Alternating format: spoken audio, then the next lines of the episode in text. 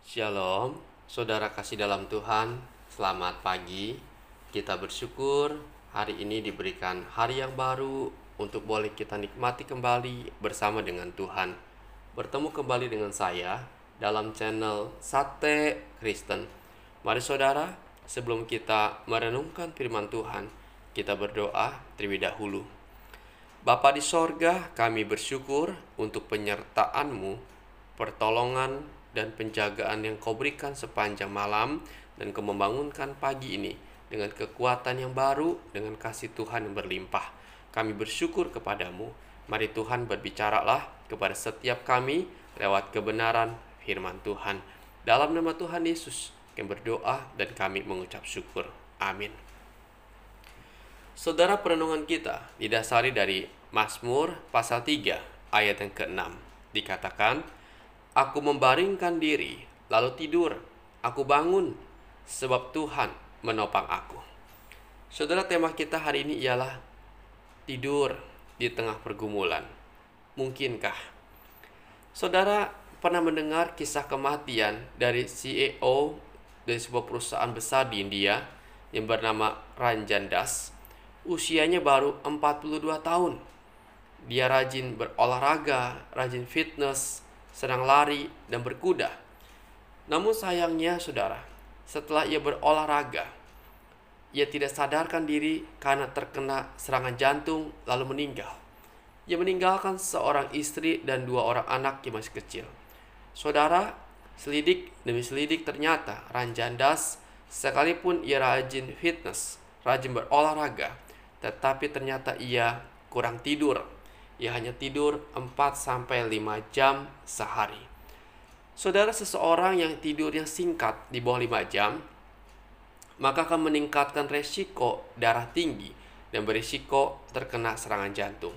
Akibatnya pertanyaannya ialah mengapa Ranjandas sampai kurang tidur? Tidak lain saudara karena ia stres. Jadi kuasa dengan ketakutan, dikuasai oleh kekhawatiran. Khawatir kalau pekerjaannya tidak berjalan dengan baik. Khawatir kalau perusahaannya mengalami kesulitan. Khawatir akan masa depan dan sebagainya. Ini artinya orang yang banyak uangnya tidak menjamin bebas dari stres, bebas dari ketakutan dan kekhawatiran. Saudara, bukankah dalam hidup ini kita sering kali mengalami yang namanya kesulitan, masalah ekonomi, masalah sakit penyakit, masalah masa depan, itu yang sering menghantui pikiran kita. Sehingga kita menjadi stres dan tidak memiliki ketenangan dalam hidup ini. Sekarang pertanyaannya ialah, mungkinkah di tengah kesulitan yang kita hadapi, kita dapat tetap tidur dengan nyenyak dan memiliki kualitas tidur yang baik? Saudara Daud pernah mengalami kesulitan hidup yang tidak mudah. Mazmur pasal 3 mencatat pergumulan Daud di mana waktu itu ia sedang berada dalam bahaya besar karena ada pihak-pihak yang menghancurkan hidupnya. Dan yang paling menyedihkan ialah musuh yang dihadapinya ialah anaknya sendiri yaitu Absalom yang merebut kekuasaannya. Sehingga ia berkata, "Ya Tuhan, betapa banyaknya lawanku, banyak orang yang bangkit menyerang aku dan banyak orang yang berkata tentang aku, baginya tidak ada pertolongan daripada Allah. Saudara, musuh-musuh yang menghina Daud. Bahwa saat itu dia tidak akan lepas dari kematian dan Tuhan pun tidak akan sanggup menolongnya. Tetapi saudara, di dalam kegalauan hatinya, Daud tetap terpaut kepada Allah. Fokus imannya bukan besar darah kepada kekuatannya, tetapi kepada Allah yang hidup, sehingga ia berkata, Tuhan adalah perisai yang melindungi aku Engkaulah kemuliaanku yang mengangkat kepalaku. Di sini kita mendapati bahwa Daud tetap percaya dan menjadikan Tuhan sebagai tempat perlindungannya. Ia percaya bahwa Tuhan akan melepaskan dirinya dari masalah yang ada. Karena yang dilakukan oleh Daud ialah ia tetap berdoa kepada Allah dan yakin bahwa Tuhan akan menolongnya. Saudara inilah yang menjadi kekuatan dan penghiburan bagi Daud sehingga ia dapat tetap tenang dan menguasai dirinya. Bahkan dalam ayat emas yang kita baca hari ini hari ini katakan, aku membaringkan diri lalu tidur. aku bangun sebab Tuhan menopang aku. Saudara, artinya apa? Di tengah pergumulan yang sedang dialami oleh Daud, dia tetap dapat tidur dengan nyenyak karena satu keyakinan bahwa Tuhan bersama dengan dia, bahwa Tuhan yang akan melepaskan dia dan menjawab doa-doanya. Daud merasa aman berada dekat Allah. Saudara, Allah yang kita kenal, yang kita percaya di dalam nama Tuhan Yesus adalah pribadi yang luar biasa. Yesus bisa tetap tenang bahkan tertidur saat badai menerjang kapal sementara murid-muridnya semua panik ketakutan. Yesus tetap tenang karena dia adalah Allah. Yesus berkuasa dan tahu apa yang dia perbuat. Saudara peristiwa itu seharusnya membuat kita pun mengalami hal yang sama. Mempercayakan seluruh hidup kita kepada Tuhan. Karena Tuhan Yesus berkuasa, mampu, dan menolong untuk anak-anaknya. Saudara, mari kita jalani hidup ini dengan mengandalkan Tuhan dan percayakan kuasa dan kasihnya. Kita kerjakan bagian kita dan Tuhan mengerjakan bagiannya. Tetap bersandar dan beriman hanya kepada Tuhan. Saudara, biar kita dapat menikmati hidup ini oleh karena pertolongan Tuhan. Dapat tidur dengan nyenyak, itu adalah anugerah Tuhan. Biar kita boleh meyakini bahwa Tuhan jauh-jauh lebih besar dari masalah kita. Serahkan semua kepada Tuhan. Terima kasih. Terima kasih saudara, kita bersyukur kepada Tuhan. Kiranya renungan ini boleh memberkati saudara sekalian. Amin. Bapa di sorga, terima kasih. Kami bersyukur kepadamu. Kasihmu, pimpinanmu, penyertaanmu yang besar. Engkau memimpin kehidupan kami sepanjang malam dan kami bersyukur untuk firmanmu pada hari ini. Materaikan di dalam kehidupan kami. Tuhan, kami bersyukur punya Allah seperti Engkau. Biar di tengah pergumulan yang kami hadapi, kami dapat tetap tenang, bahkan kami dapat tetap tidur dengan nyenyak dan kualitas yang baik, karena kami tahu ada Tuhan sebagai penolong hidup kami. Terima kasih ya Tuhan, kami bersyukur kepadamu. Kami bawa kehidupan kami sepanjang hari ini dalam tangan Tuhan, biar Tuhan menolong dan menyertai setiap kami. Kami bergumul dengan asam urat kami yang tinggi, kolesterol kami yang tinggi. Tuhan tolong, Engkau menjamah kami, memulihkan keadaan kami, dan menyembuhkan kami. Tuhan tolong, kami sedang sakit akan stroke ya Tuhan. Engkau juga tolong kami, Engkau boleh menjamah, memulihkan, bahkan menyembuhkan sakit stroke kami ini Tuhan. Sekalipun sulit ya Tuhan, tapi kami percaya akan kuasamu. Bagimu Tuhan, tidak ada yang mustahil. Tuhan Yesus berkatilah kami sedang sakit diabetes ya Tuhan, diabetes kami sedang tinggi, Tuhan juga tolong, Engkau mengasihani kami, memulihkan, menurunkan kadar gula kami ya Tuhan. Tuhan tolonglah. Kami Tuhan yang sedang sakit migrain, Tuhan juga tolong kami, Engkau yang boleh memulihkan keadaan kami, menyembuhkan sakit kepala kami ini. Terima kasih ya Bapak, kami bersyukur hanya kepada Engkau dan kami percayakan hidup kami, pergumulan kami, keluarga kami, dan masa depan kami ke dalam tangan Tuhan saja. Engkau yang mengasihi dan Engkau yang campur tangan dalam kehidupan ini. Tuhan Yesus, terpujilah namamu. Di dalam nama Tuhan Yesus, kami berdoa dan kami mengucap syukur. Amin. Selamat pagi saudara, selamat beraktivitas, dan mari kita melakukan minimal satu kebaikan kepada sesama kita pada hari ini. Dan Tuhan Yesus memberkati kita sekalian. Shalom, saudara kasih dalam Tuhan. Selamat pagi. Kita bersyukur hari ini diberikan hari yang baru untuk boleh kita nikmati kembali bersama dengan Tuhan. Bertemu kembali dengan saya dalam channel Sate Kristen. Mari saudara, sebelum kita merenungkan firman Tuhan, kita berdoa terlebih dahulu. Bapa di sorga, kami bersyukur untuk penyertaan-Mu, pertolongan dan penjagaan yang Kau berikan sepanjang malam dan Kau membangunkan pagi ini dengan kekuatan yang baru, dengan kasih Tuhan yang berlimpah. Kami bersyukur kepadamu. Mari Tuhan berbicaralah kepada setiap kami lewat kebenaran firman Tuhan. Dalam nama Tuhan Yesus, kami berdoa dan kami mengucap syukur. Amin. Saudara perenungan kita didasari dari Mazmur pasal 3 ayat yang ke-6. Dikatakan, Aku membaringkan diri, lalu tidur. Aku bangun, sebab Tuhan menopang aku. Saudara, tema kita hari ini ialah tidur di tengah pergumulan. Mungkinkah? Saudara pernah mendengar kisah kematian dari CEO dari sebuah perusahaan besar di India yang bernama Ranjan Das. Usianya baru 42 tahun. Dia rajin berolahraga, rajin fitness, senang lari, dan berkuda. Namun sayangnya saudara, setelah ia berolahraga, ia tidak sadarkan diri karena terkena serangan jantung lalu meninggal. Ia meninggalkan seorang istri dan dua orang anak yang masih kecil. Saudara, selidik demi selidik ternyata Ranjandas sekalipun ia rajin fitness, rajin berolahraga, tetapi ternyata ia kurang tidur. Ia hanya tidur 4 sampai 5 jam sehari.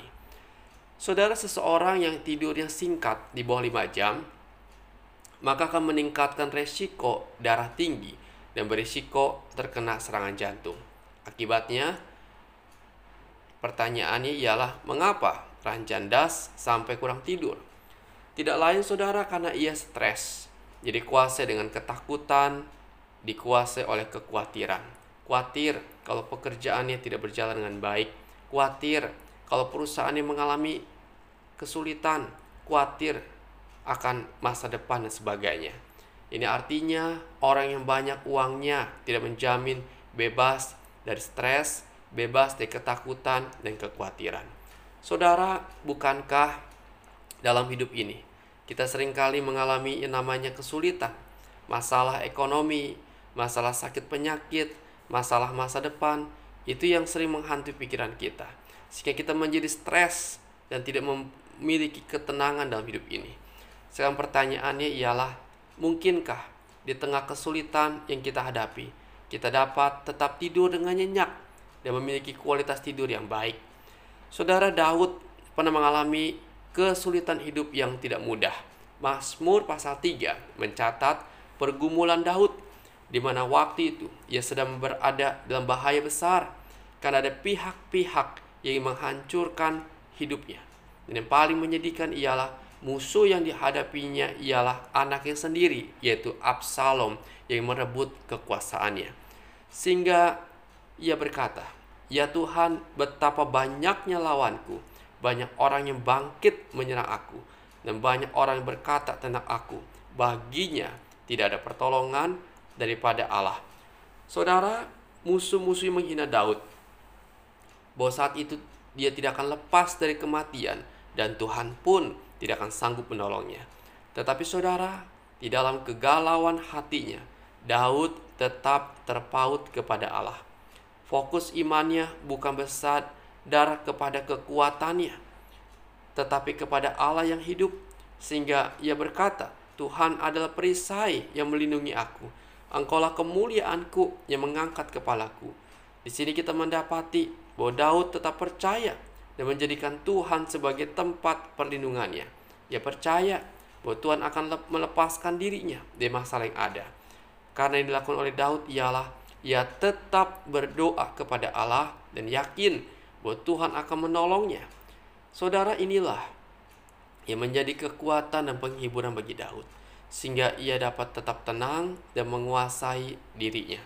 Bahkan dalam ayat emas yang kita baca hari ini hari ini katakan Aku membaringkan diri, lalu tidur. Aku bangun, sebab Tuhan menopang aku. Saudara, artinya apa? Di tengah pergumulan yang sedang dialami oleh Daud, dia tetap dapat tidur dengan nyenyak. Karena satu keyakinan bahwa Tuhan bersama dengan dia, bahwa Tuhan yang akan melepaskan dia dan menjawab doa-doanya. Daud merasa aman berada dekat Allah. Saudara, Allah yang kita kenal, yang kita percaya di dalam nama Tuhan Yesus adalah pribadi yang luar biasa. Yesus bisa tetap tenang bahkan tertidur saat badai menerjang kapal sementara murid-muridnya semua panik ketakutan. Yesus tetap tenang karena dia adalah Allah Yesus berkuasa dan tahu apa yang dia perbuat. Saudara peristiwa itu seharusnya membuat kita pun mengalami hal yang sama, mempercayakan seluruh hidup kita kepada Tuhan. Karena Tuhan Yesus berkuasa, mampu dan menolong untuk anak-anaknya. Saudara, mari kita jalani hidup ini dengan mengandalkan Tuhan dan percayakan kuasa dan kasihnya. Kita kerjakan bagian kita dan Tuhan mengerjakan bagiannya. Tetap bersandar dan beriman hanya kepada Tuhan. Saudara, biar kita dapat menikmati hidup ini oleh karena pertolongan Tuhan. Dapat tidur dengan nyenyak, itu adalah anugerah Tuhan. Biar kita boleh meyakini bahwa Tuhan jauh-jauh lebih besar dari masalah kita. Serahkan semua kepada Tuhan. Terima kasih. Terima kasih saudara, kita bersyukur kepada Tuhan. Kiranya renungan ini boleh memberkati saudara sekalian. Amin. Bapa di sorga, terima kasih. Kami bersyukur kepadamu. Kasihmu, pimpinanmu, penyertaanmu yang besar. Engkau memimpin kehidupan kami sepanjang malam dan kami bersyukur untuk firmanmu pada hari ini. Materaikan di dalam kehidupan kami. Tuhan, kami bersyukur punya Allah seperti Engkau. Biar di tengah pergumulan yang kami hadapi, kami dapat tetap tenang, bahkan kami dapat tetap tidur dengan nyenyak dan kualitas yang baik. Karena kami tahu ada Tuhan sebagai penolong hidup kami. Terima kasih ya Tuhan, kami bersyukur kepadamu. Kami bawa kehidupan kami sepanjang hari ini dalam tangan Tuhan. Biar Tuhan menolong dan menyertai setiap kami. Kami bergumul dengan asam urat kami yang tinggi, kolesterol kami yang tinggi. Tuhan tolong, Engkau menjamah kami, memulihkan keadaan kami, dan menyembuhkan kami. Tuhan tolong, kami sedang sakit akan stroke ya Tuhan. Engkau juga tolong kami, Engkau boleh menjamah, memulihkan, bahkan menyembuhkan sakit stroke kami ini Tuhan. Sekalipun sulit ya Tuhan, tapi kami percaya akan kuasamu. Bagimu Tuhan, tidak ada yang mustahil. Tuhan Yesus berkatilah kami sedang sakit diabetes ya Tuhan, diabetes kami sedang tinggi, Tuhan juga tolong, Engkau mengasihani kami, memulihkan, menurunkan kadar gula kami ya Tuhan. Tuhan tolonglah. Kami Tuhan yang sedang sakit migrain. Tuhan juga tolong kami, Engkau yang boleh memulihkan keadaan kami, menyembuhkan sakit kepala kami ini. Terima kasih ya Bapak, kami bersyukur hanya kepada Engkau dan kami percayakan hidup kami, pergumulan kami, keluarga kami, dan masa depan kami ke dalam tangan Tuhan saja. Engkau yang mengasihi dan Engkau yang campur tangan dalam kehidupan ini. Tuhan Yesus, terpujilah namamu. Di dalam nama Tuhan Yesus, kami berdoa dan kami mengucap syukur. Amin. Selamat pagi saudara, selamat beraktivitas, dan mari kita melakukan minimal satu kebaikan kepada sesama kita pada hari ini. Dan Tuhan Yesus memberkati kita sekalian. Shalom, saudara kasih dalam Tuhan, selamat pagi. Kita bersyukur hari ini diberikan hari yang baru untuk boleh kita nikmati kembali bersama dengan Tuhan. Bertemu kembali dengan saya dalam channel Sate Kristen. Mari saudara, sebelum kita merenungkan firman Tuhan, kita berdoa terlebih dahulu. Bapa di sorga, kami bersyukur untuk penyertaan-Mu, pertolongan dan penjagaan yang Kau berikan sepanjang malam dan Kau pagi ini dengan kekuatan yang baru, dengan kasih Tuhan yang berlimpah. Kami bersyukur kepadamu. Mari Tuhan berbicaralah kepada setiap kami lewat kebenaran firman Tuhan. Dalam nama Tuhan Yesus, kami berdoa dan kami mengucap syukur. Amin. Saudara perenungan kita didasari dari Mazmur pasal 3 ayat yang ke-6. Dikatakan, Aku membaringkan diri, lalu tidur. Aku bangun, sebab Tuhan menopang aku. Saudara tema kita hari ini ialah tidur di tengah pergumulan. Mungkinkah?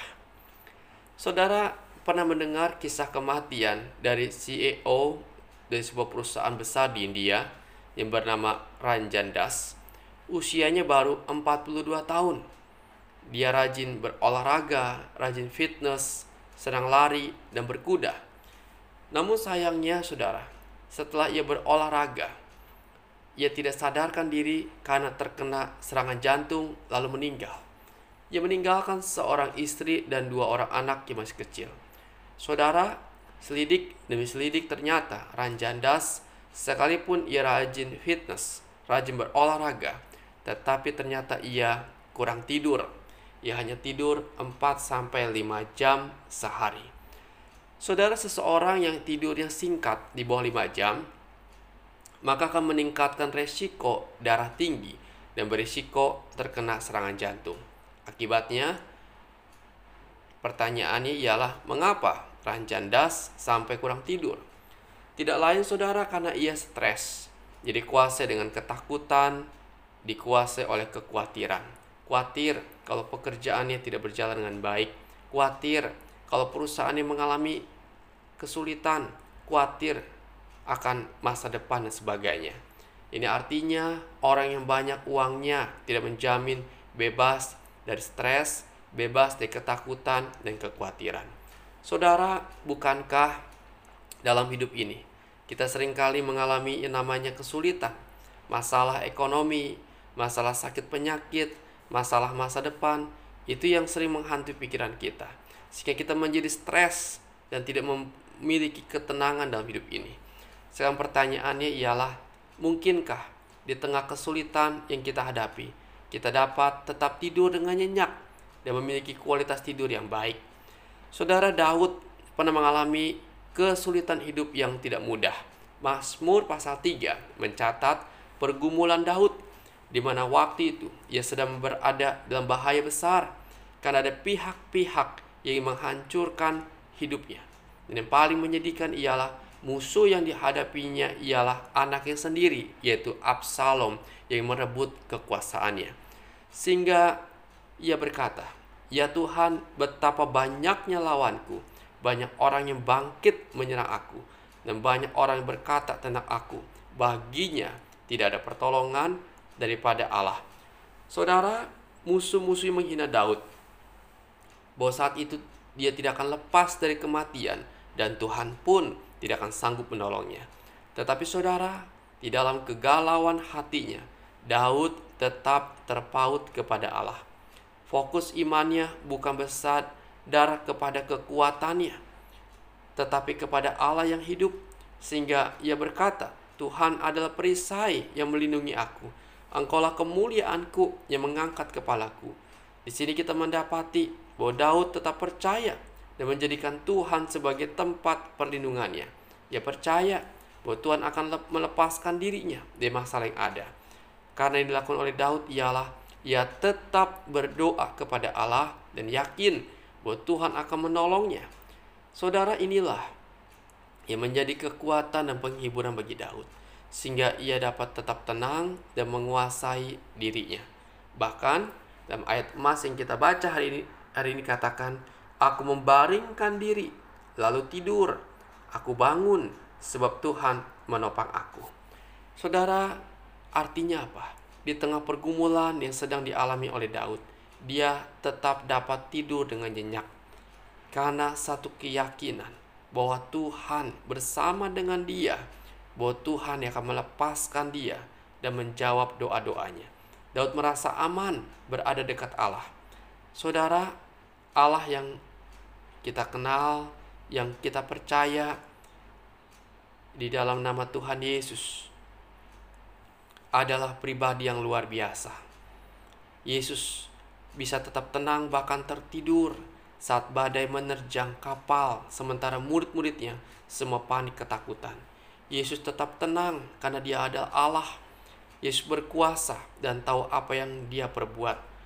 Saudara peristiwa itu seharusnya membuat kita pun mengalami hal yang sama. Mempercayakan seluruh hidup kita kepada Tuhan karena Tuhan Yesus berkuasa, mampu dan menolong untuk anak-anaknya. Saudara, mari kita jalani hidup ini dengan mengandalkan Tuhan dan percayakan kuasa dan kasihnya. Kita kerjakan bagian kita dan Tuhan mengerjakan bagiannya. Tetap bersandar dan beriman hanya kepada Tuhan. Saudara, biar kita dapat menikmati hidup ini oleh karena pertolongan Tuhan. Dapat tidur dengan nyenyak itu adalah anugerah Tuhan. Biar kita boleh meyakini bahwa Tuhan jauh-jauh lebih besar dari masalah kita. Serahkan semua kepada Tuhan. Terima kasih. Terima kasih saudara, kita bersyukur kepada Tuhan. Kiranya renungan ini boleh memberkati saudara sekalian. Amin. Bapa di sorga, terima kasih. Kami bersyukur kepadamu. Kasihmu, pimpinanmu, penyertaanmu yang besar. Engkau memimpin kehidupan kami sepanjang malam dan kami bersyukur untuk firmanmu pada hari ini. Materaikan di dalam kehidupan kami. Tuhan, kami bersyukur punya Allah seperti Engkau. Biar di tengah pergumulan yang kami hadapi, kami dapat tetap tenang, bahkan kami dapat tetap tidur dengan nyenyak dan kualitas yang baik karena kami tahu ada Tuhan sebagai penolong hidup kami. Terima kasih ya Tuhan, kami bersyukur kepadamu. Kami bawa kehidupan kami sepanjang hari ini dalam tangan Tuhan, biar Tuhan menolong dan menyertai setiap kami. Kami bergumul dengan asam urat kami yang tinggi, kolesterol kami yang tinggi. Tuhan tolong, Engkau menjamah kami, memulihkan keadaan kami, dan menyembuhkan kami. Tuhan tolong, kami sedang sakit akan stroke ya Tuhan. Engkau juga tolong kami, Engkau boleh menjamah, memulihkan, bahkan menyembuhkan sakit stroke kami ini Tuhan.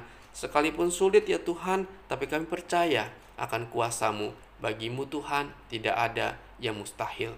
Tuhan Yesus berkatilah kami sedang sakit diabetes ya Tuhan, diabetes kami sedang tinggi, Tuhan juga tolong, kayak Engkau mengasihani kami, memulihkan, menurunkan kadar gula kami ya Tuhan. Tuhan tolonglah kami ya Tuhan yang sedang sakit migrain. Tuhan juga tolong kami, Engkau yang boleh memulihkan keadaan kami, menyembuhkan sakit kepala kami ini. Terima kasih ya Bapa, kami bersyukur hanya kepada Engkau dan kami percayakan hidup kami, pergumulan kami, keluarga kami, dan masa depan kami ke dalam tangan Tuhan saja. Engkau yang mengasihi dan Engkau yang campur tangan dalam kehidupan ini. Tuhan Yesus, terpujilah namamu. Di dalam nama Tuhan Yesus, kami berdoa dan kami mengucap syukur. Amin. Selamat pagi saudara, selamat beraktivitas, dan mari kita melakukan minimal satu kebaikan kepada sesama kita pada hari ini. Dan Tuhan Yesus memberkati kita sekalian.